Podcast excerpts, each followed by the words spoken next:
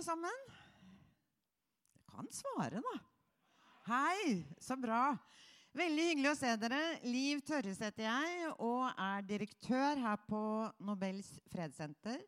Jeg syns det er veldig fint at uh, det har kommet så bra med folk når vi starter debattsesongen på Fredssenteret. For her kjører vi nemlig debatter på torsdagene. Ganske strengt mellom seks og syv, sånn at folk kan komme fra jobb, gå videre på andre ting eventuelt. Det vi kan love dere, er at uh, her blir det ikke presentert uh, alternative fakta. Eh, det blir heller ikke presentert falske nyheter. Gjør det vel, Ingvild? Men debatt, det skal vi ha. Eh, så hjertelig velkommen i dag, og kom gjerne tilbake også neste uke. For da skal vi ha en debatt om flyktningekrisen her, og høre hva norske organisasjoner gjør, og ikke minst de greske som er på bakken på de greske øyene. Men nå er vi her i dag og har satt et alvorlig tema på dagsorden. Terror og terrorfrykt. frykt. vi har opplevd et økende antall angrep i Europa de siste årene. Men vi har også opplevd at terrorfrykt eh, er reell. Vi har opplevd at noen bruker den for sine egne agendaer. Vi har opplevd at det er noen politiske dimensjoner ved det, osv., osv. Jeg skal ikke ta debatten her jeg står. Dere kommer til å få høre mer om disse problemstillingene etter hvert. Men jeg skal ønske Einar Øverengen velkommen til å innlede litt før debatten starter. Filosof, forfatter, foredragsholder Einar, terrorfrykten, vær så god.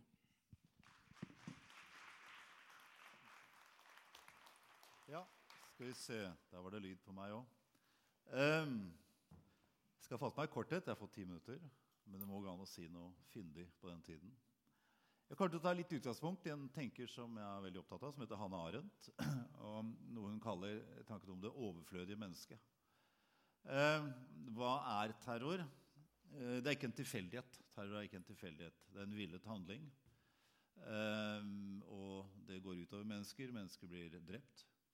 Uh, det blir også krig.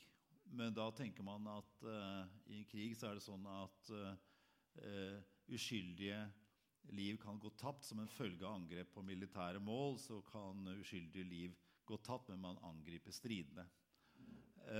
I terror så tenker man seg kanskje at det er de uskyldige som er målet, eller eventuelt hvem som helst. Og der har vi én side. I terroren så er ikke individet interessant som individ, men som et angrepsmål. Og det kan være hvem som helst. Man vet ikke hvem det er, men individet er altså ikke interessant som, som individ. 9-11 er et eksempel på det. Man styrter flyene inn i disse bygningene så, så, vet man ikke hvem som er der. Det er ikke noen man bestemt er ute etter å ta der inne. Men individene har altså ingen egenverdi for terroristen. De har i beste fall en rent forbigående nytteverdi, en instrumentell verdi. Så sånn sett kan vi si at Det umiddelbare målet for terroren, de menneskene som blir angrepet, angrepet eller drept, er ikke så interessante i seg selv. De en, blir rent instrumentalisert. Og sånn bryter terroren, med veldig sånn grunnleggende etisk intuisjon vi har.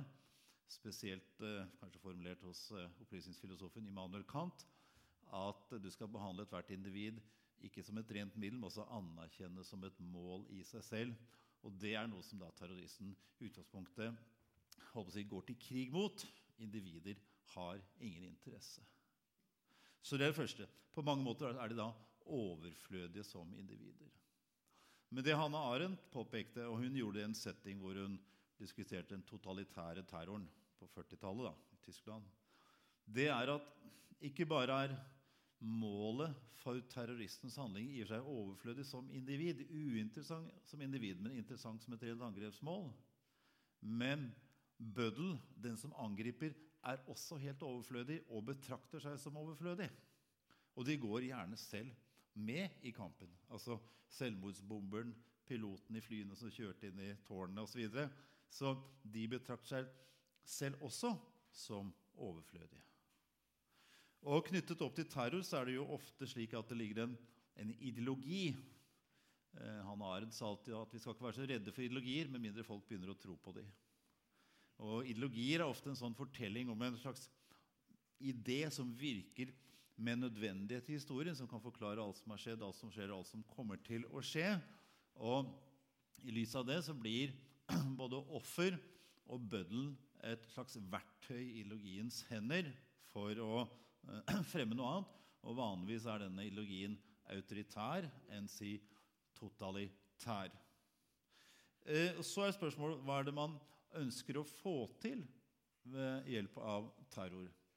Du kan si at Terroristen har da måttet to mål. Det tilsynelatende, det umiddelbare målet, den eller de menneskene som blir angrepet. Som er litt tilfeldig hvem denne bussen rammet. kan du si. Hvem flyet rammet, 9-11 osv., var litt tilfeldig. Sånn sett kan du si at angrepet på Hebdo, eh, Charlie Hebdo i Frankrike er litt sånn på grensen av hva vi kalt her, for det er mer en slags straffende handling også. Men bussen for eksempel, ville klart være det. Så hva er det man vil oppnå? Vel, eh, ikke primært å ramme eller å drepe de mennesker man rammer eller dreper. De er et middel til å få til noe annet. Mens målet er nok heller å invitere et samfunn, og da typisk hvis det er demokratiske eller åpne samfunn som blir angrepet, så er det å invitere et samfunn til å ødelegge seg selv fra innsiden og ut. Altså terroristen eh, skal skape en form for utrygghet som gjør at befolkningen selv, eller borgerne selv, eller politikerne selv fullfører å si, eh, veien til et mer lukket, et mer autoritært samfunn ved f.eks.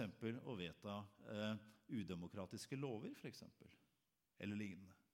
Så det er den egentlige målsetningen. Og det er på en måte å si å bygge ned det vi kan kalle et, et offentlig rom. Altså Mennesker blir redde for å ta ordet, redde for å gå ut i gatene, redde for å ha møteplasser. Eh, som så kan si Denne konserten i Paris var et klassisk sted hvor mennesker møtes. Så, så skaper man en utrygghet ved nettopp å møtes. Altså, Man ødelegger de mulighetene som er til stede i et samfunn for at individer skal kunne stå frem i sin individualitet. Hanne Arendt var veldig opptatt av at det å, å si, stå frem i sin individualitet Da trenger du et fellesskap, du trenger et sted hvor det fins andre mennesker som du på en og samme tid er helt lik fordi du er en del av arten menneske, men også forskjellig fordi du er det spesifikt dette individet. Og det man forsøker å gjøre, er å bygge ned dette offentlige rommet, slik at mennesker kvier seg for å gå inn i det.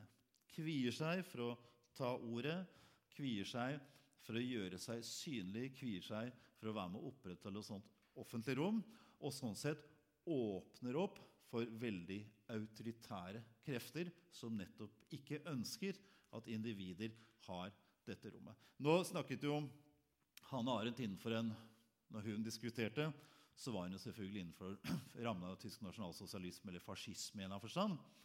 Men jeg tror hun har, det er noe der som, eh, som jeg synes er interessant, som kan anvendes fremover. og det tror jeg den, den tot, Man snakker om forakten for individet, men her har vi den totale forakten for individer hva individer. Det er altså ikke interessant lenger. Vi er, alle er overflødige individer, og det er en total, total sånn ideologisering. Og så, som det blir diskutert senere, jeg må snart slippe ordet, er jo På mange måter kan det sies at rent sånn statistisk sett så er det svært lite sannsynlig for at man blir utsatt for det. Det er ting som er farligere i Frankrike, f.eks. biltrafikken, enn terrorhandlinger. Men det er mange grunner til at vi mennesker kan være redde også. En ting er at vi faktisk er redde for at vi selv skal bli angrepet. En annen måte å være bekymret på er hvis det skjer, hva skjer med samfunnet vårt da? Det er en annen type frukt som ikke nødvendigvis er knyttet opp til at du selv blir angrepet. Dette var jo selvfølgelig veldig redde for i etterkant av Breivik-handlingen også. Hva skjer med samfunnet vårt? Hvordan brukes terrorhandlingen til eventuelt å gjøre endringer? Til å gjøre samfunnet mindre åpent? Og En ting vi var veldig bevisste på i Norge i etterkant av, av Breivik, var at vi ikke skulle vedta lover som en direkte konsekvens av hans handlinger. Det greide vi nesten, med et vesentlig unntak. men jeg skal ikke gå inn på det. For vi skal ikke vedta lover i etterkant av dette. Vi skal la det gå litt tid. Så en ting er at Man kan være redd selv for å bli angrepet, men man kan også være redd for hva skjer med det åpne samfunnet. Jeg tror jeg skal la det bli der. Dette blir helt sikkert eh, eh, diskutert. Det har sagt nå, kan jo få noen til å komme opp med og si at ja, hva med handlingen på Utøya? Er ikke det terror da? For det var en direkte målrettet angrep på de personene ville angripe. Den var terrorlignende, men, eh, men, det var også for å skape den utrygghet. ikke sant? 9-11 er veldig liksom klar. Terrorangrepet på Charlie Hebdo der var jo mer direkte også et angrep på journalister man visste skulle angripe, men man ville få til noe mer. Så du kan si at det kan være større eller mindre grad av at det er terrorlignende. Det kan du si. Ok, jeg tror jeg gir meg der. Takk for oppmerksomheten så langt.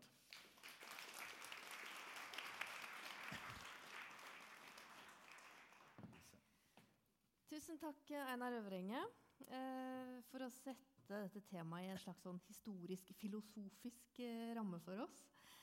Eh, nå som vi har hørt filosofen, så skal vi åpne scenen for forskeren og psykologen. Velkommen opp. Eh, Thomas Egghammer, forsker ved Forsvarets forskningsinstitutt. Nærmest meg. Og Arnstein Mykletun, psykolog og professor i samfunnsmedisin. Men før jeg slipper løs eh, Bare sett dere ned. Før, før jeg slipper løs disse gutta her til eh, debatt, så har jeg bare lyst til å minne om at dere som sitter i salen, også kan være med og diskutere på Twitter. På skjermen der så står det hashtag og nettverk og passord og alt dere trenger å vite for å, for å være med. Vi kommer også til å åpne opp for spørsmål helt mot slutten, så hvis dere har noe på hjertet, så skal dere få det ut. Eh, denne uka så fikk vi vite at eh, terror er det nordmenn frykter aller mest. Eh, en ny undersøkelse fra Direktoratet for sikkerhet eh, og beredskap eh, viser at over en tredjedel av befolkningen går rundt og er svært bekymret for at Norge skal rammes av et terrorangrep. Så det betyr at som alle dere som sitter der, da, er svært bekymret for at vi skal rammes av et terrorangrep. En fjerdedel av oss mener at det er svært sannsynlig at Norge kommer til å bli rammet av et angrep de neste ti årene. Så eh, har vi grunn til å være så redde? Hegammer først. Um, jeg tenkte jeg skulle bare få frem tre, tre punkter veldig kjapt før vi går i diskusjon. Uh, det første er liksom det at uh, ja, vi har grunn til å forvente uh, terror i Europa i 2017. vi er inne i en bølge av aktivitet. Det er store, aktive nettverk. Det er ingenting som tilsier at det her skal brått stoppe. Eller det her brått stoppa nyttårsaften eh, 2017. Så eh, det her vil fortsette. Vi vil få flere angrep i Europa. Eh, hvorvidt vi får det i Norge, det er litt vanskeligere å si, fordi vi har ikke noe eh, sterke, organiserte miljøer her. Så det kan skje, det kan ikke skje her i Norge. Det er, det er egentlig umulig å, å, å, å, si.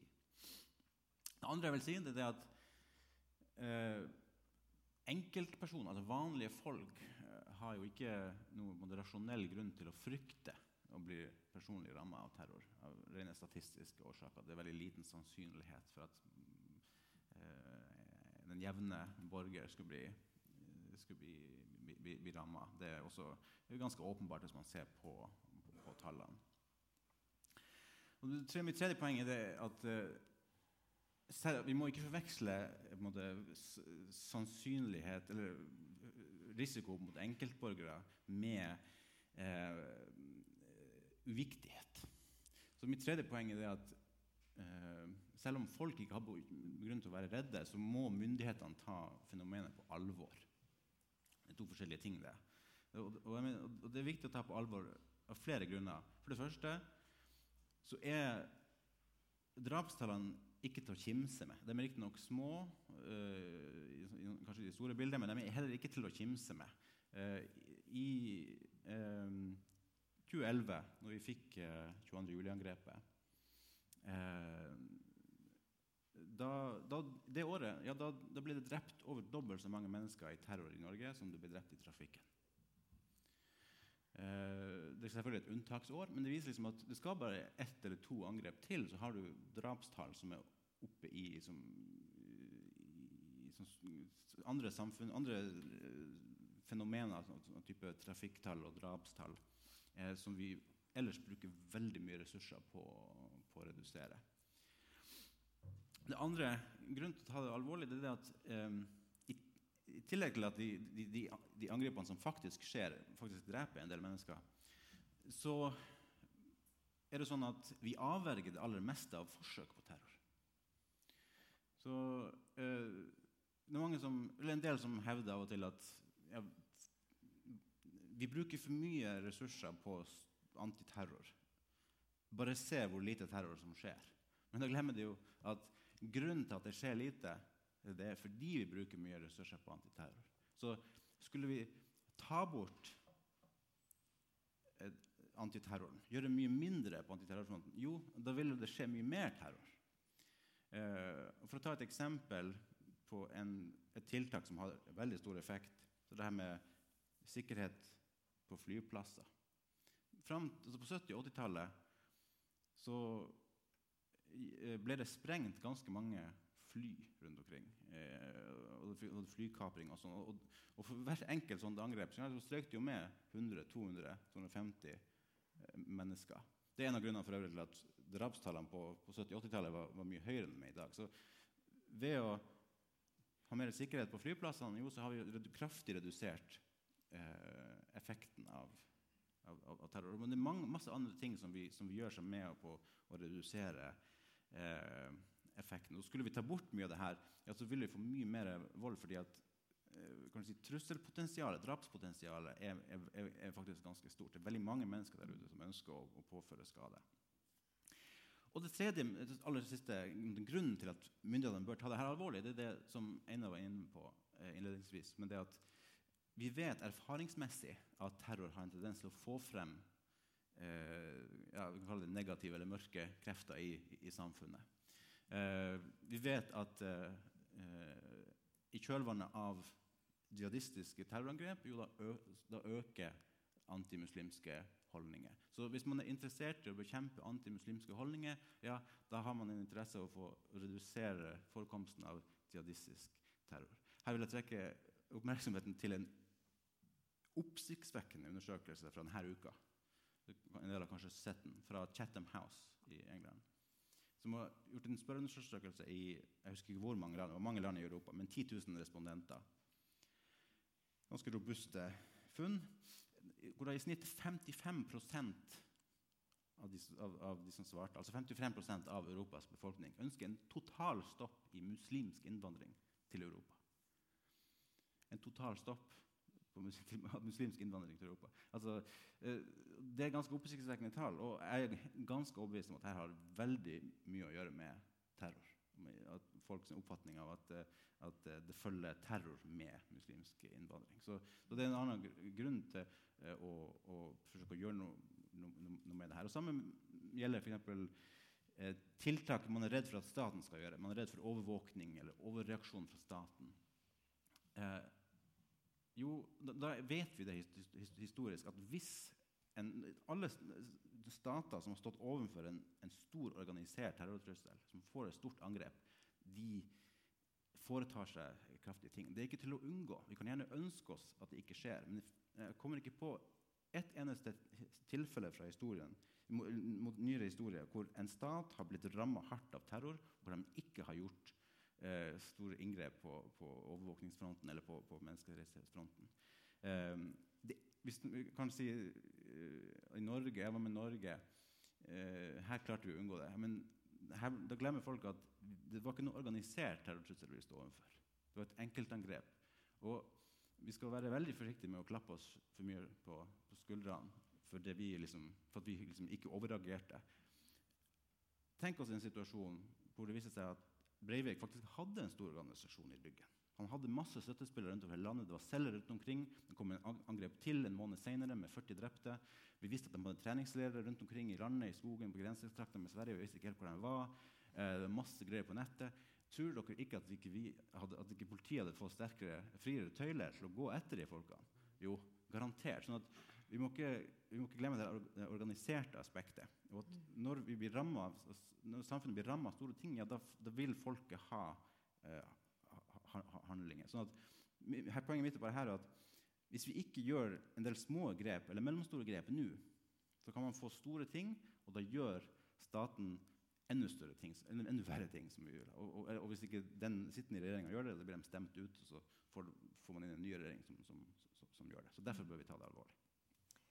Takk. Um, noen, noen, mener at det er for mye fokus på mottiltak. Uh, Myklesund. Den ballen uh, går vel rett over til deg. Du er en av de som har sagt at vi, vi må ikke være så redde. Ja, altså bare sånn innledningsvis, Jeg har egentlig ikke greie på dette her i det hele tatt. for å, begynne der. Altså, min bakgrunn er som psykolog. og Jeg lot meg friste ut til å kommentere litt, og så ble det til et par kronikker i Aftenposten om temaet. Jeg har egentlig venta på at de psykologene som er på feltet, som jobber med terror og slikt, skulle melde seg på, men jeg vet ikke helt hvor de gjemmer seg. Um, men i mellomtiden så tar jeg liksom um, uh, hva skal vi si, jobben. Uh, bakgrunnen min er, altså Den faglige bakgrunnen jeg bygger på når jeg kommenterer på dette feltet, her er egentlig um, hva skal vi si, to. Det ene er, er grunnleggende psykologi. for Det er sikkert noen her som har tatt grunnfag eller noe mer enn grunnfag i psykologi. Og Da lærer man bl.a. om risikopersepsjon. Og jeg skal si litt om det. Og det andre faglige ballasten jeg tar med meg, er skal si, helsetjenesteforskning. Hvor eh, man driver med sånn prioriteringer mellom ulike behov og ser på skal si, hvor mye får vi igjen for å satse på forskjellige greier.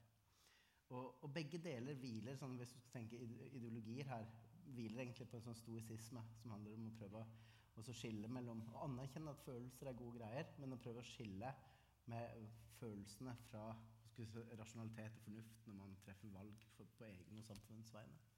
Så bare for å ta, ta, litt sånn Jeg har bare notert et par sånne stikkord jeg kunne tenke meg å gå gjennom. sånn som det. Um, fire premisser først. Altså, det første er at jeg syns på en måte at vi burde feire at vi er så heldige at vi lever i den tiden sånn, i, i, den lange verdenshistorien hvor sjansen for å dø på en brutal måte er historisk lav. Det er, liksom, det er de lange linjene. altså Steven Pinker og sånn. ikke sant? Sånn utrolig fascinerende forskning. Jeg, jeg, jeg, lar meg fascinere veldig av folk som finner på geniale måter å forske fram ting man ikke lenger kan observere. Og Steven Pinker har for funnet ut at hvis du graver opp hodeskaller, det gjør jo i og for seg arkeologene foran, men så kan man gå rundt og kikke på hvor mange av de hodeskallene har et hull i kraniet som indikerer at man, eller for øvrig på skjelettet, som indikerer en brå, voldsom død. Og det, det, var en ganske van, vanlig måte å dø med hull i kraniet eller store skader på skjelettet rundt om kroppen. Eh, hvis vi går noen hundre år tilbake. Og det er nesten ikke forekommende lenger. I dag er sjansen for å dø en voldsom død stort sett relatert til selvmord, og resten er relatert til, um, er relatert til trafikkulykker. Men til sammen utgjør det 2-3 Så det, det, er liksom sånn, det er liksom feiring nummer én. Og det andre er at vi tilfeldigvis bor i Europa. Og det er da den tryggeste verdensdelen i den delen av historien, altså den historiske epoken som er tryggest. Så tryggest verdensdel, tryggest tid. Og så på toppen av det hele så bor vi i Norge. Og jeg har rundt i, Jeg har tre barn og har bodd en del i utland. Her, England og Australia, litt her og der. Um, og, og, den autonomien som barn nyter her, altså få lov å springe rundt og ta trikken og banen og, sånn, og gå på kino fra de er ganske små, og sånn, den, den, er noe å verne om. Så vi, vi, vi, det, det, er objektivt, sånn, sånn epidemiologisk vurdert og historisk vurdert ekstremt trygt. Og vi er liksom sånn superheldige og lever liksom i den biten hvor det er aller tryggest i den tryggeste tiden. Og det er jo på en måte si, noe å ha med seg som et bakteppe. Og så, altså Det er det ene. Det andre er i et 40-årig perspektiv i Europa så er de lange linjene og først tenkte jeg flere hundre års perspektiv. Sånn, hvis vi tar en nyere historie. Terror er på nedadgående hvis vi måler det i antall drepte eller antall hendelser. Unntatt at det av og til er, altså det blir litt sånn hakkete grafer. ikke sant? Så man på en måte ikke ser liksom ett år versus et annet år. Men hvis du ser litt lenger og lenger, så, så, det faktisk, så, er det faktisk mye mindre guff i terrorismen nå enn det var for da ETA og IRA holdt på det er også noe å huske på. De, var på en måte si, litt mer militært innrettet. sånn at de gikk etter infrastruktur, og de tenkte litt større, og de hadde også en mer militær organisering. Mens de som IS rekrutterer i større grad, er litt stakkarslige, har lite utdanning, og er, selv om de i noen grad er organisert, så er det relativt puslete si, våpen i hvert fall så langt har klart å vise frem, sammenlignet med det som tidligere terrorister holdt på med. Så på en måte så tenker jeg litt sånn på dette at det som vi nå står overfor av trusler fra pågående sånn IS-lignende og muslimsk altså ekstremistisk terrorisme, det er på en måte så puslete at jeg da på en måte prøver å, å dra noen, noen, paralleller over til andre felt. Og F.eks. da den Berlin-terroren mot julemarkedet skjedde, det antallet drepte som der um, kan si, Hva kan vi sammenligne det med? Og det tilsvarer med seks timer med gjennomsnittlig trafikkdød i Europa. Um, det, vi, vi, men vi gir jo ikke den jevne trafikkdøden noen oppmerksomhet. Uh, det tilsvarer tre timer med selvmord i Europa. Så, så det liksom setter tingene litt i perspektiv. Jeg prøvde ja, i en kronikk i Aftenposten um, så prøvde jeg å um, illustrere liksom, Hvis vi skulle prøve å se for oss um, hvor sjeldent terrordød er, for å prøve å sette litt perspektiv, så prøvde jeg å, å illustrere det med denne gravplassen i Normandie, hvor det er nesten 10 000 graver. Eh, og vi ser for oss at hvis vi, tok, hvis vi, sa at dette var folk som døde nå for tiden, og det sto på gravene hva folk døde av, så kunne man på en måte illustrere det med liksom hvor hyppig står de forskjellige dødsårsakene. Og så må vi utelate de gamle, fordi ellers blir alt sammen bare kreft og hjerte-karsykdom. Sånn at vi må ta over infeksjoner. Så vi må ta vekk det. Så vi kan si det var graver for folk som døde før de var 65, for da får vi i hvert fall litt ikke-helserelatert død. Sånn da øker vi andelen terror og selvmord og sånn. Og da kan si at Hvis en da tenker seg at en går en tur på en sånn gravplass, så tar det deg én dag å passere alle gravene hvis du skal gå liksom sikksakk bortover. Eh, hvis du går igjen ca. 3-4 km i timen. og det er sånn antatt sånn normal graveavstand. Én full dag med å lese på gravene. Og da vil du på hver 15. grav, altså hele tiden, så vil det stå selvmord. Og hver 30. grav så vil det stå trafikkdød. Så det ser du hele tiden. Men du har 10 000 graver å passere. da. Og hvor lenge må du gå før du ser den første terrordrepte? Eller ser én terrordrept? Du må passere ikke én, men to sånne gravplasser. Altså Du må gå to dager for å, en, for å passere én grav med en terrordrept gjennomsnitt. Og Det illustrerer på en måte forholdstallene her. så hva skal vi si, Hvis vi tok dette over, da, hvis vi sier at antiterrortiltak var helseministerens budsjett, hvor stort ville budsjettet for antiterrortiltak være da? For da har man jo plutselig prioriteringsforskriften å bruke. Så det er sånn at det som man, man skal bruke penger på det som faktisk monner. Og der hvor man, Det skal være volum på det du prøver å, å forhindre, og så må det være slik at de tiltakene du setter inn, har en effekt. Så Hvis vi antar at antiterrortiltak faktisk har en viss effekt, så vil likevel budsjettet bli knøttlite pga. at volumet er så lite. Så Det er litt sånn som redningshelikoptrene. Eneste grunn til at vi kan holde oss med rednings, noen dyrere redningshelikoptre, er at det ikke inngår i prioriteringsforskriften. Vi sier redningshelikoptre det skal et sivilisert samfunn ha, men de redder ikke nok liv per krone. Men, men vanlige helsetiltak som infeksjonsmedisin, hjerte-karmedisin, kreft og ikke minst psykiske lidelser. Alt det må på en måte konkurrere på sånn vurdering av, av nytte og, og, og volum. Altså hvor nyttig er det, og hvor stort problem er det du skal adressere. De to tingene må hele veien. Og, og jeg tror den bransjen som du representerer, skal være litt glad for at man er utenfor prioriteringsforskriften. Ellers hadde man kunnet sagt opp nesten alle sammen. For da hadde det vært så smått. Og det er uten at jeg egentlig vet hvor effektivt det er. da. Men, men Miklut, mener du da at uh, Hegghammer og hans uh, forskerkollegaer skremmer folk unødig da, med sine ikke, tall? Nei, godt, godt spørsmål. Jeg, jeg, tror noen gjør det. Jeg var på en konferanse, en sånn sikkerhetskonferanse i Stavanger nå etterpå. der var de veldig glad for det var så mange til stede. Og jeg var bedt om å si noe, så jeg provoserte da gruppen med å si at de burde egentlig være litt færre. Fordi det, det, er ingen grunn til at det skal være 300 mennesker i en sal og jobbe med et så lite problem. Det burde holde med, med mange, mange færre. Eh, det er en uproporsjonalt stor investering for samfunnets del. Og, og, da kan man spørre seg hvorfor er samfunnet villig til å prioritere så mye på dette. Jo, det, det, blir jo som alle andre samf gode samfunnsformål, og jeg mener det er et godt samfunnsformål. Um, men det blir jo en, en vurdering av si, hvor, hvor, villig er samfunnet til å, å, pøse penger på det problemet, til forskjell fra alle andre måter å bruke offentlige kroner på. Og, og den vurderingen den, jeg skulle ønske var litt mer si, stoisk. Litt mindre følelsesbasert og litt mer databasert. Og kan tenkes at vurderingen hadde blitt helt annerledes hvis det var samme budsjettet som andre folkehelsetiltak skulle gjøres over. For der er det ganske lite penger å drive med, og ganske mange effektive tiltak eh, som skal adressere veldig store problemer. problemer. Mm. Men, men, men jeg syns Heggehammer kan få Ja. svare på det. Han bruker for mye penger på å bekjempe terror. vil du ha mindre budsjett? Nei, altså for, for det første så hersker det jo en, en del misforståelser om eh, kan si, omfanget.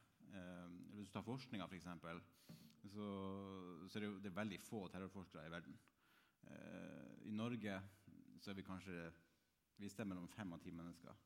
Og vi har et av Europas største terrormiljø per, altså per, per land. I andre land som er, mye, som er større enn Norge, har enda mindre. Altså vi snakker om, om, om, veldig lite som brukes på sånn forskningsmessig. Så, så, så, så har du, men så har du andre deler av, uh, av myndighetssida.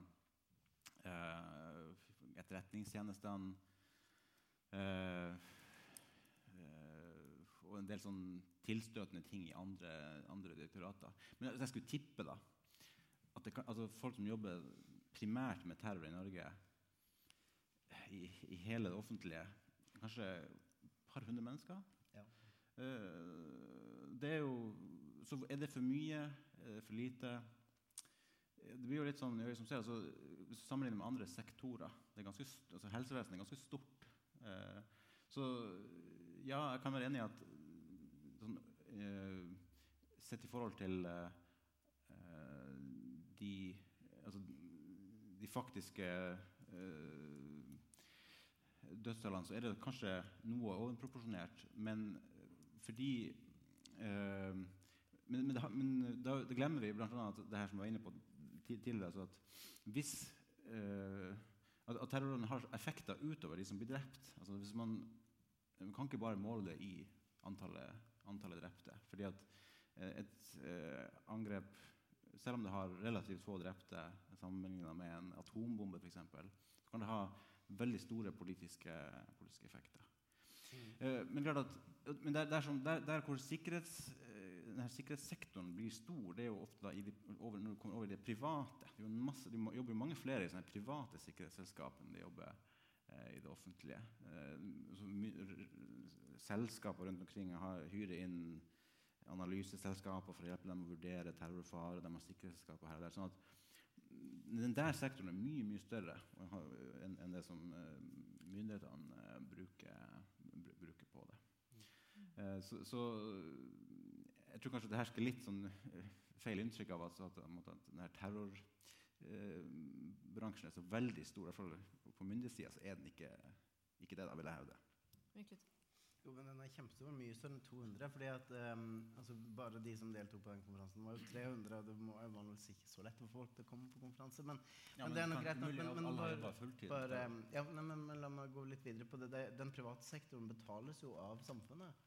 Sånn at eksempel, alle de som I den grad sånn flysikkerhetstiltak er si, antiterrortiltak, så, så vil jo det, du, du, kan jo gange det der med ganske mye. For det er jo kostnader som samfunnet må bære, uansett om de er offentlig eller privat tilsatt. Så, så, så, det blir likevel relevant å spørre liksom, om de pengene er bedre relevant. Ja, vil du ta bort sikkerhetskontrollen på flyplassen? Ja, jeg syns jo det er et herlig, absurd paradoks at vi driver og sjekker hverandre liksom, opp og ned av stolper før vi går om bord i et fly.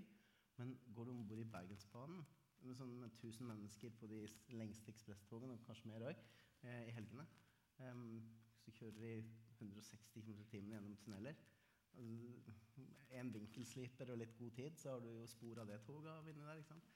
Det, det, det, men der er det, det er ingen kameraer som overvåker hvem som går inn i tunnelene. Det er ingen, sånn at Samfunnet opptrer helt sånn irrasjonelt ved å oversikre noen områder og fullstendig neglisjere andre. Og jeg tror det illustrerer hvor lite seriøst vi egentlig mener det. Ja, kan, altså, ja, vær så god. Det er, jo, det er en forklaring på det her. Altså, det er fordi at det har ikke vært store, store så veldig mange store angrep mot, tog, mot Bergensbanen tidligere. Ikke Bergensbanen. Men, men og hadde det blitt det, så, er jeg ganske sikker på at vi hadde fått sikkerhetskontroll. Det har jo vært masse angrep mot T-baner og, og, tog i Europa opp gjennom tidene. Det var jo ETA og IRA sin spesialitet. Så, ja, ja, men ikke like mye som fly. Det, hvis du ser på hvor mange som ble drept i flybombe på 80-70-tallet, sammenlignet med hvor mange som ble drept på tog, jo, så er det mye, mye, mange, mange, mange flere som ble drept på fly. Det har bl.a. med at uh, terroristene er ikke så rasjonelle, dem heller. Nemlig. Jeg håper ikke det er noen terrorister som hører på dette. Terroristene de har en, en, en, de har, en som, de henger seg opp på fly, flysektoren. og De, de, Ja. de bruker uforholdsmessig mye energi og ressurser på å prøve å ta fly. Eh, og og eh, det er en annen grunn til at man beskytter fly, fly ekstra. mye. men at, eh, jeg, tror, jeg tror at eh, hvis du går tilbake og ser eh, eh, på ja, Du hadde i hvert fall, i hvert fall en 10-15 eh, bomber på flyet på 78-tallet. Mm.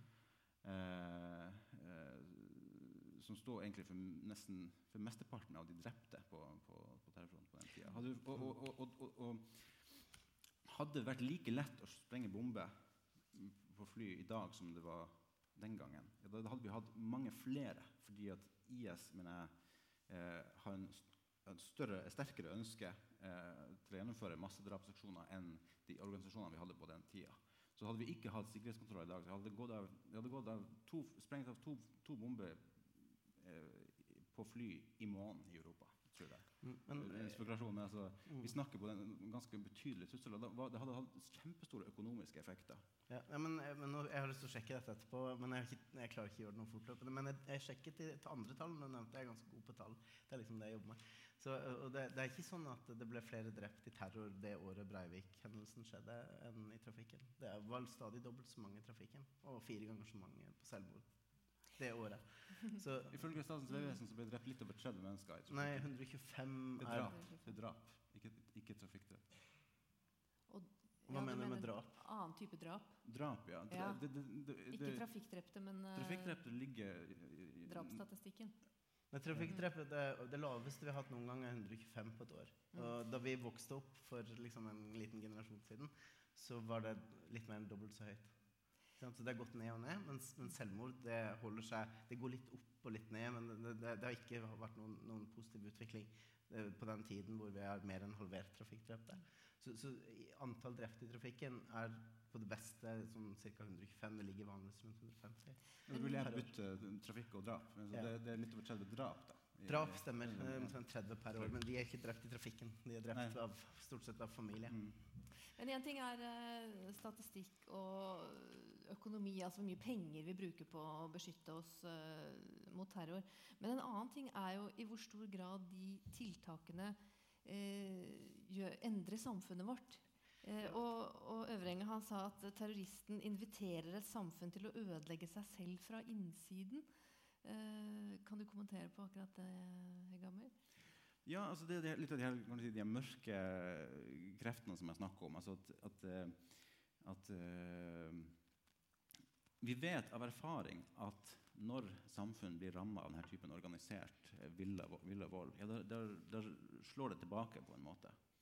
Eh, og eh, eh, Så la, la oss ta for eksempel ETA og IRA. som jo sto for veldig mye vold og, og, og, og, gjennomførte mange flere, si, antall, flere angrep målt i alt angrep enn enn vi har har i dag. Men så må vi se på, ja, hva, hva, hva førte det til? Jo, det førte til militarisering av de her områdene. altså Nord-Spania og, og, og Nord- Nord-Irland. det førte til bruk av tortur, det førte til, bruk, til, til arrest uten dom. Det førte til en masse, masse menneskerettsbrudd som vi ikke lenger har i dag eh, i, i, på, samme nivå i, i, Europa. Sånn at eh, eh, så, så kan man si at det er synd at det er sånn at, det, at, at, at eh, våre politikere burde ha mer eh, ryggrad eh, til å stå imot det osv. Men eh, det kan jeg være enig i, men rent sånn empirisk så er det, et, faktisk, det er en realitet at, at så godt som alle regjeringer som har stått overfor en sånn organisert trussel, de har reagert på den måten. Det, har, det har nok noe å gjøre med demokratiets måte, natur å gjøre det. Altså at, at um, du kan bli stemt ut hvis du ikke tar de grepene som befolkninga mener at du, du bør ta. Men, men samtidig så, så er det vel sånn at uh, hvis man da tar de grepene, så kan de også uh, endre samfunnet Mm. Men det mener vel du noe om? Ja, ja for jeg, jeg, jeg tror at um, Jeg tror ikke helt at uh, hva skal jeg, si, jeg kjøper ikke helt den her med at liksom, samfunnet inviteres til å ødelegge seg selv. Det, det, det høres kanskje litt for ut, utspekulert ut. Men jeg, jeg, tror på en måte at IS har vært litt heldig med å ha truffet en nerve. fordi de er i utgangspunktet så ufattelig svake eh, på ressurser. Også, men så har de truffet en liten nerve, kanskje på flaks. Og det er den kollektive sentimentaliteten vi har. Altså dette med at vi liksom ikke klarer å la være oss å bry om noe som rammer oss følelsesmessig. Som er det motsatte av sånn stoisisme. Og, og, det som jeg skulle ønske meg, da um, Eller tre bekymringer, også det jeg skulle ønske meg etterpå. Altså, det, det, som bekymrer meg, er at vi lar hva skal vi si, at, bivirkningene av de tiltakene vi prøver å gjøre mot terror, gjør større skade enn gavn. Jeg er grunnleggende skeptisk til Eh, når, når eh, si, antiterrorbransjen selv får lov i sånne New Public Management-termer til å, å, å, få lov å si hvor, hvor effektiv det er. F.eks. tyske antiterrormyndigheter hevdet at de på ett år klarte å forhindre 100 angrep. Litt pussig det var akkurat 100. Hvis jeg påstår jeg har fått 100 fisk på fisketur, så er det ingen som tror meg. Men men uansett, vi, vi jo det var jo akkurat en svær sak her i Norge hvordan politifolk drev og rapporterte litt sånn bingo på sånne tellekanter fordi at det var det som myndighetene ville ha. Det var ikke så lett å, å sjekke hvor mange promillekontroller og fartskontroller de hadde gjennomført. ikke sant? Så, så det, det, er liksom den ene bekymringen med liksom at du, hvis du inviterer til den typen um, si, rapportering, så, så får du kanskje det er veldig vanskelig å drive revisjon på sånn type virksomhet. Da må du ha en sånn super overvåkingspoliti da, som kan liksom si hva som egentlig er rett.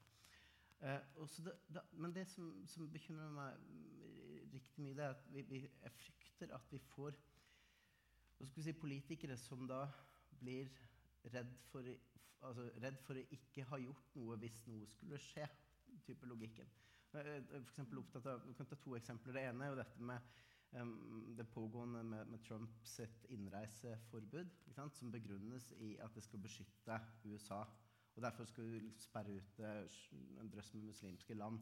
Eh, sånn kategorisk. Og så er det mange som har god greie på tall, som prøver å si at ja, seriøst, det er jo drept flere amerikanere av såkalt toddlers. Det er sånne som, går, som, er så gamle at de kan gå, men så små at de bruker bleie. Det er definisjonen på toddler. har jeg skjønt. Eh, så, sånne, sånne småtasser på ett og to år det, det, er drept flere amerikanere av ett- til toåringer enn det er av terrorister fra de landene som man nå har lagd innreiseforbud fra.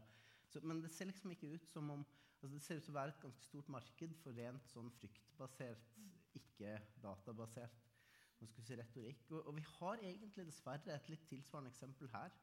Uh, som jeg har, har, vært ute og ment litt om tidligere. Det, det var den beslutningen om å bevæpne midlertidig politiet som et antiterrortiltak. Jeg tror mange ikke fikk med seg at det egentlig var begrunnet i at det skal ha vært etterretningsinformasjon som vi ikke kan debattere offentlig, for den er hemmelig.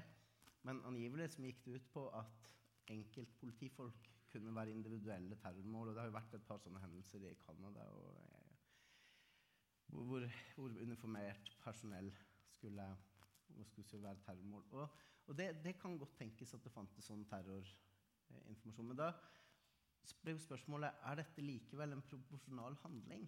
Altså, fordi det er faktisk tryggere, mye mye tryggere å være politimann i Norge eller politidame um, enn f.eks. å være fisker og bonde. Uh, det er ca. 30 ganger mer dødelig per årsverk å være fisker enn å være politimann. Uh, politiet har klart å fremstille det via sånn, si at dette var tiltak som de omfavnet. De, Politiets Fellesforbund uttalte at de var helt på linje med denne vurderingen og syntes det var veldig godt og trygt å gå rundt og bære på våpen. Men så kom det en ny trusselvurdering som sa at nå var det ikke fullt så farlig lenger å være politimann. Og da hadde det vært masse kritikk underveis. og det var jo 30, nei, det var 20 vådeskudd uh, på ett år. ikke sant? Politiet, Er noen som kan gjette hvor mange, mange ganger politiet skyter med vilje på et år?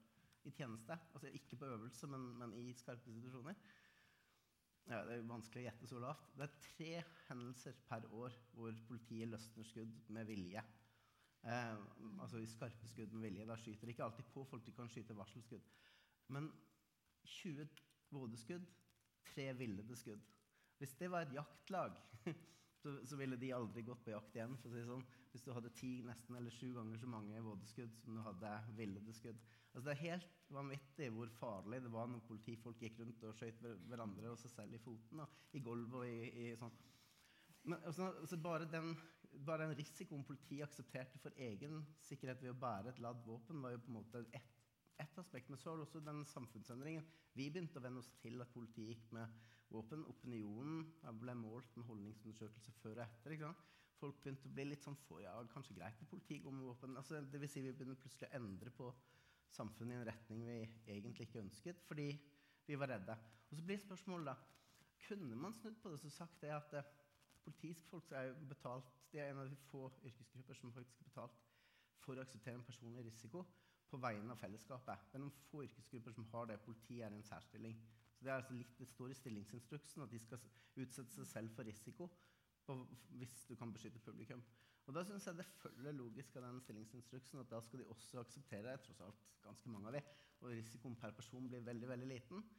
Og, og de kunne tenkt litt på fiskere og bønder, bygningsbransjefolk og sånn, og sagt at det der skal vi tåle. Der, de der terroristene de er, så, er så puslete, og vi er så tøffe, og vi er så mange. Og det der er en helt akseptabel risiko per person. Og vi endrer ikke samfunnet bare pga. en sånn liten sak. Dessuten så erfaringsmessig er det ganske farlig å gå med ladd våpen.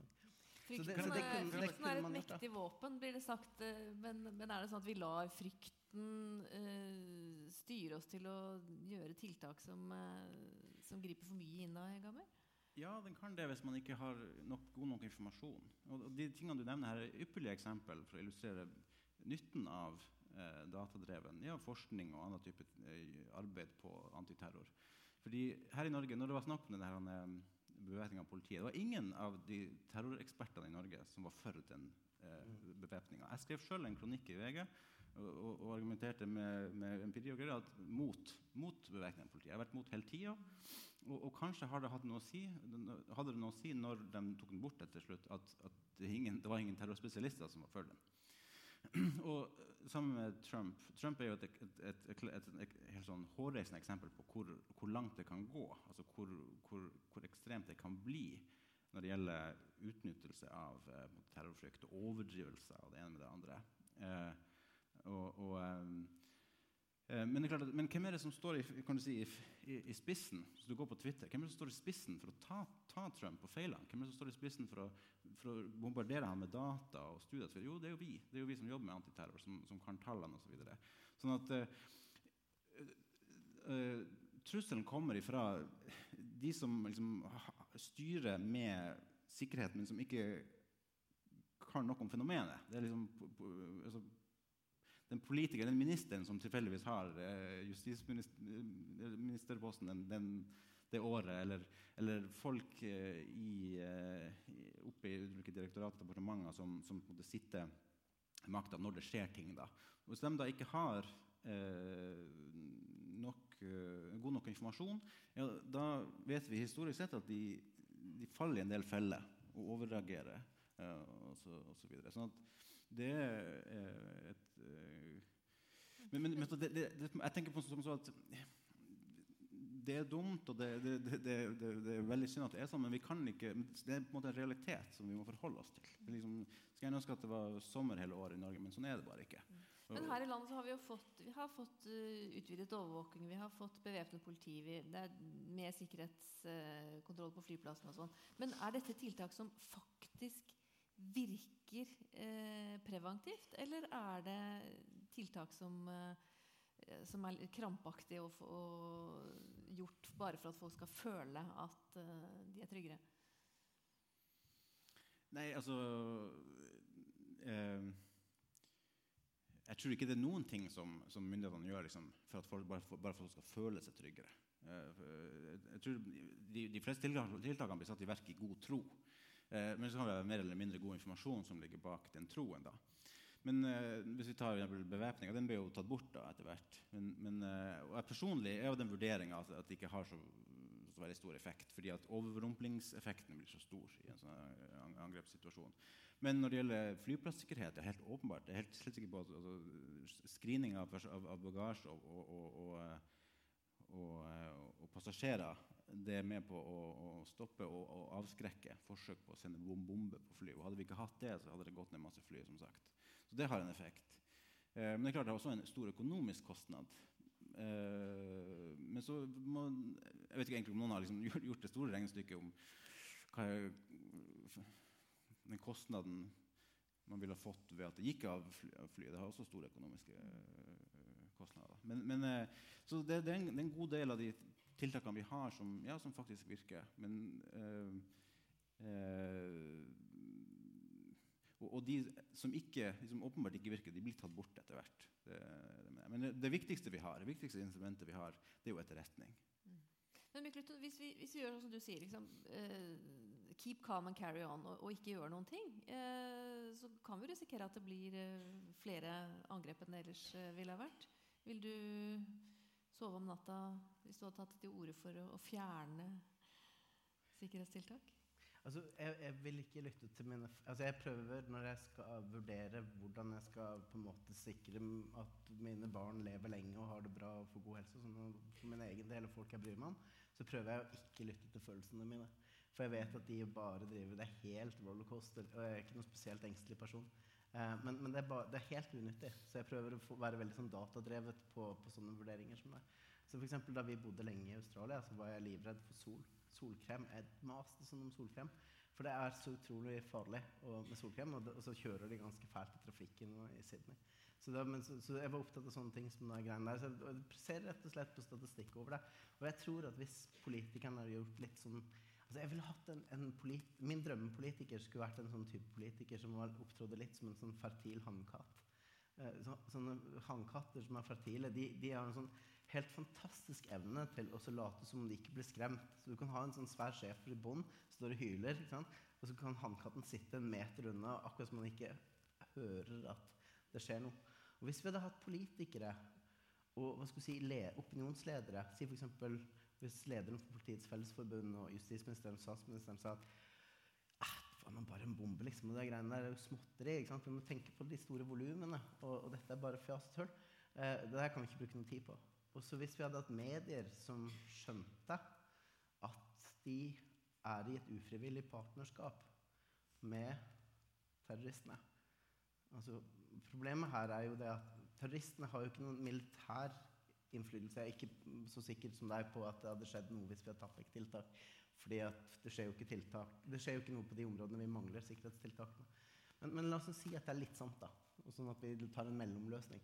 Men det som hadde virkelig monnet, var hvis vi kunne få mediene til å håndtere terror på samme måten som de håndterer selvmord. Det hadde monnet det. Fordi mediene de har i Vær varsom-plakaten i mange land, ikke alle, skal gi et eksempel på det motsatte. Um, men i mange land så har de, sånn som i Norge, en, sånn, en, en kunnskap, en taus kunnskap om at hvis de rapporterer detaljer om selvmord, så har det en smitteeffekt. Og da får du ekstra selvmord som ellers ikke ville skjedd. Så Derfor så rapporteres det på en veldig sånn neddempet og nøytral og forsiktig måte. Og man ikke, så man får liksom inntrykk av at det nesten ikke skjer selvmord, selv om det skjer sant, hvert 15. dødsfall før 65 i EU-snittet. Det er jo kjempemasse. Og hvis vi hadde fått mediene til å rapportere si, proporsjonalt eh, på terror, og helt uten å formidle følelsesmessig budskap, altså i, på, på selvmordsfeltet Er det noen av dere som noensinne i noe som helst medier dere har funnet, i hvert fall norske medier, har noensinne sett bilde eller film av et selvmord? Aldri. Og det er fordi det er så virksomt. og Det, det, det, gjør, det gjør mediene i Bulgaria, nemlig. Um, jeg holder på med sånn selvmordsforebyggingsprosjekt der, som er EU-finansiert. Og der driver mediene og, og nyter sin nylig vunne pressefrihet. Og de, de er helt sånn grenseløst. Der var det et eksempel på et selvmord som ble begått på en veldig spektakulær måte. Og så, Nå skal jeg la være å gjøre samme skaden, så jeg forteller ikke akkurat måten, men det var, var annerledes. Eh, og, og det avstedkom da en serie med helt make selvmord. Og vi, vi driver nå og ser på tallene. Ser ut til det var 30 selvmord. Og det kan godt tenkes at det var 30 selvmord på toppen av den kvoten du har i utgangspunktet. Jeg må Hegga med å kommentere. Er det for mye fokus eh, på terror? Og fører det til at det blir flere terrorhandlinger? Ja, altså det, det at, at um, terrorisme og media står i et sånn symbiotisk forhold, det er jo velkjent. Det er helt klart, altså terror, Terrorisme oppsto samtidig som trykkpressen. Det her henger sammen. Men eh, Men, Men bør vi eh, slutte å snakke så mye om det? ja, men det er helt urealistisk. Det er helt umulig å tenke seg en situasjon hvor la oss si det går en bombe midt på, i byen her, og så skulle ingen norske aviser skrive om det, eller bare nevne det så vidt. Eller, altså, ja, det blir som sommer hele året, gjerne, men sånn er det bare ikke. Det kommer aldri til å skje. Fordi at det, ikke, det, her, det her er allmenningens tragedie. Det, det er gjerne rasjonelt for kollektivet, men det er ikke, det er ikke rasjonelt for den enkelte aktør. Nei, men Er det likevel noe i måten vi snakker om det, måten politikerne snakker om det, eh, Ja, ja, men det vil vi jeg jo kan si at gjøre for å, for å dempe smitteeffekten? da? Ja, jo da. Og, og, og men jeg tror at en del media, en god del media, i hvert fall de seriøse, de prøver på det. De prøver å tone det litt ned. Men klart, media er en stor størrelse, og det er mange eller det er en del useriøse, sensasjonssøkende, eh, kyniske aktører der òg som, som, som, som aksjonerer. Men, men eh, da, ja, det skal vi, selvfølgelig jeg helt enig i at skulle gjerne sett at alle de her mediene toner det helt, helt, helt ned. Eh, Men, men på en måte det blir litt ønsketenkning, sånn som jeg, sånn som jeg eh, ser det. Um, så var det en ting til jeg skulle si, men så glemte jeg det. Hva, um, ja, det er mulig det kommer til meg etterpå. Men ja. Det er ikke så mange ting vi er helt grunnleggende uenige i, men akkurat her tror jeg vi er det. Fordi jeg, jeg syns det er tilstrekkelig stor variasjon i det vi ser mellom landene, i hvordan mediene opptrer, til at vi kunne se for oss at de ikke kan endre det på den måten jeg sier. For i, altså, hvis dere nå etterpå tar og googler de franske terroranslagene, og så ser dere trykket på Google, og så trykk på video og på bilde, så vil dere finne veldig mye blod på de franske mediene sine oppslag. Mens på det tyske, f.eks. den nå i Berlin, så er det nesten ingenting. Og det er ikke fordi at, ikke var, at de, de folkene som var til stede der, ikke hadde smarttelefoner med kameraer eller sånn. Men det er rett og slett fordi at tyskerne er litt flinkere til å tenke på den måten her. Og så jeg tror at vi kommer til å altså hvis medien, men, men problemet er at mediene det, altså Jeg tror kanskje mediene må være den minst den, den gruppen som er minst i stand til å gjøre selvransakelse på initiativ fra andre. De må komme på det sjøl. Fordi de, de er så krenkbare. Altså de har aldri hørt en debatt hvor, hvor mediene kollektivt kritiseres for noe hvor de sier at det der var sannelig riktig. Det, det sier de liksom ikke. Så det, det, ingen, hvis noen er mediefolk her, så glem det jeg sa. Og så, ikke si til noen, men hvisk det gjerne forsiktig til noen, sånn at de kan komme på det selv. Men hvis de hadde kommet opp med at de skulle ha en proporsjonal dekning av terror på en sånn måte at man dekker det på linje med sånn som man dekker ulykker, f.eks. Det kunne vært en mellomting. Så du tar bilde av toget, men du tar ikke bilde av, av avrevne kroppsdeler. Og så, skal det også være proporsjonalt, sånn at du skal ta omtrent like mye spalteplass per drepte. Da Nå har vi ikke mediene her til å å tale sin sak, så jeg tror vi Nei, skal la altså- den hvile der. Bare en liten sånn, sånn range check. Eller sånn, for å få det her til å fungere, det, må du ha? Du må ha et internasjonalt regelverk som forbyr medier i alle land fra å dekke terror på en spesiell måte. Du må, ha- et sensurregime som, dekker, som alle land legger seg under. Det må du for det første. ha. Så må du for det andre ha sensur på internett, sånn at ikke terroristene sjøl kan legge ut stoff på, på, på, på nettet. For det gjør de jo nå. De er sine egne journalister. Så, og det Problemet i Europa er jo det at, liksom, at eh, og Franskmenn har jo diskutert det her mye det siste, par, det siste året med om det skal være lov å nevne navnet til terroristene i, i, i, i dekning eller ikke.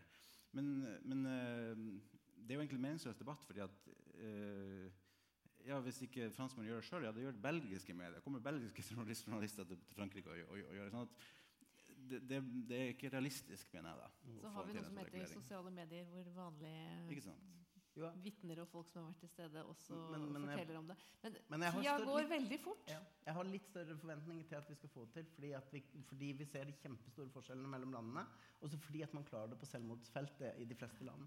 Og da tenker jeg at det der kunne, altså Mediene kan løse terrorproblemet, egentlig. Uten medienes for, formidling av det følelsesmessige innholdet. Hvis de bare formidler dataene, så rammer det ikke følelsene våre. Da blir vi ikke redde, da begynner ikke politikerne å gjøre rare ting. Og så, videre. så helt avslutningsvis har jeg lyst til å si at jeg har jo ikke så veldig stor tillit til de myndighetsvurderingene som gjøres på feltet. Og grunnen til det, det er to ting. Det ene er at det er utenfor demokratisk kontroll gjennom debatt. Altså, vi får ikke vite premissene nok til at vi kan diskutere det. Men på de få områdene vi får det, sånn som politibevæpning, da sier vi ok, det med politibevæpning det er vi jo enige om er helt man skal si, meningsløst som et antiterrortiltak. Og så tenker jeg hvis, hvis vi da har en justisminister og at Justisdepartementet og, og, og si, samlet sikkerhet, og inklusiv eh, Politiets Fellesforbund, som alle sammen på det tidspunktet mente dette var gode greier. Uh, hva sier det da om vurderingen av alle de andre tingene de gjør? Eh, jeg må nesten beklage til alle dere som kom hit og trodde dere skulle få vite om dere hadde grunn til å være redde for uh, terror. fordi nå har vi fått uh, to veldig ulike syn på det. Så det er kanskje noen av dere som sitter med noen spørsmål til våre eksperter her oppe. Der er det en som ber om ordet. Det er fint om dere reiser dere opp, sier hvem dere er, og har korte spørsmål. Ja, jeg tenker litt i forhold til Jeg husker ikke navnet ditt, men til høyre. Uh, din vurdering i forhold til etterretningen, både CPST og andre samarbeidende tjenester, når du kommer til å si at uh, politibevæpninga som vært, har vært noe som politiet bare har gjort for at de ønsker det, av skrekk, når bakgrunnen for bevæpninga var etterretningsinformasjon som gikk på planlagte angrep, oppfordra av bl.a. IS, mot uniformert politipersonell, personell fra Forsvaret det skjedde flere angrep, bl.a. i London. Der var det en soldat som fikk hodet kappet av. Og politifolka som kom til stedet, var bevæpna og klarte å skyte eh, to terrorister rett før de fikk eh, hogd i stykker, de politifolka. Eh, litt din tanke i forhold til det? Mm. Ja, helt kjapt. Jeg heter Arnstad Mykletun, så husker du hva jeg heter. um, vikarierende motiv er det første jeg vil kommentere. Altså, vi har en justisminister på det som, som, har, som si, lenge har ment at politiet skulle være bevæpnet. Og vi hadde da nettopp fått et vedtak i Politiets Fellesforbund om at de òg ønsket generell bevæpning. Så det var et sammenfall i hva man på forhånd mente, og hvilken mulighet som bød seg. Det er det ene. Det andre er angst, altså motsatt av stoisisme. Altså man, man, man, lot frykten altså det, ble, det, er massevis av formuleringer det går an å finne, gitt av de myndighetspersonene her. Da, og Det var ikke politiet som fikk lov å beslutte det, men Politiets Fellesforbund var for det, og justisministeren besluttet det på vegne av samfunnet.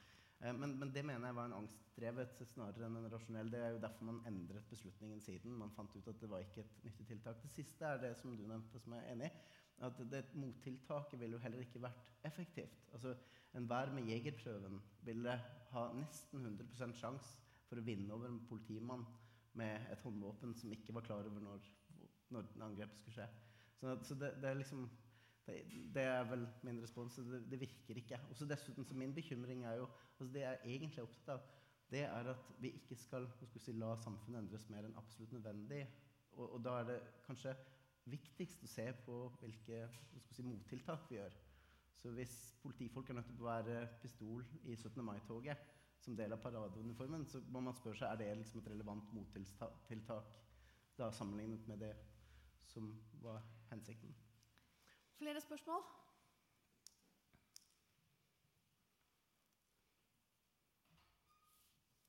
Nei. Var det et spørsmål? Ja, bak deg. Beklager, jeg så det ikke.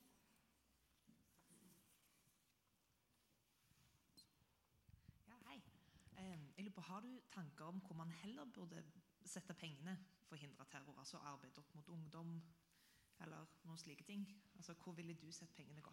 Altså, mine forslag, De to forslagene jeg har, det er jo ene er jo sånne hannkattlignende eh, politikere. Det koster ingenting. Altså jeg vil hatt sånn, å være litt mer seriøs Litt sånn Winston Churchill, andre verdenskrig-type politikere. Winston Churchill han, han, det var utrolig modig og lite sentimentale tiltak de gjorde. F.eks. når tyskerne drev og sendte sånn Scud-rakettvarianter inn mot London, så ville jo de treffe så sentralt som mulig. Og da brukte de BBC til å fortelle hvor de traff. Altså De sa oi, oi, oi, nå har de truffet Big Ben. Uff a meg, det var fælt, sier de. Men i realiteten så traff de mye lenger syd.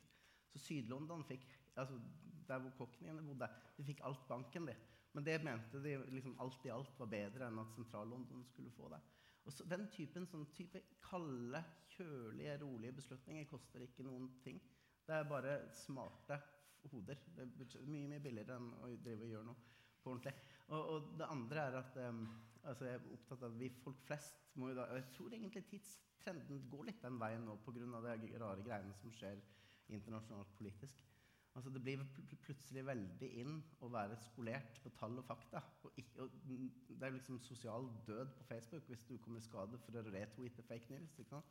Så så, så det, tiden her, jeg tror det er litt i tidsånden at vi liksom klarer å, å, å, opptre litt mer stoisk. Og da ser jeg for meg at liksom, det vi da skal prøve å gjøre, er liksom å si at okay, vi må tillate oss å, å føle frykt. og sånn. Jeg også kan få impulser av frykt i situasjoner som minner meg om sånn. Men så tenker jeg at det skal jeg ikke la styre noen ting. Fordi da skal jeg prøve å tenke rasjonelt. Det er liksom det bidraget vi folk flest kan gjøre. Så tre komponenter, alle tre med kjempebillig. Stoisisme for hele samfunnet. Media besinner seg.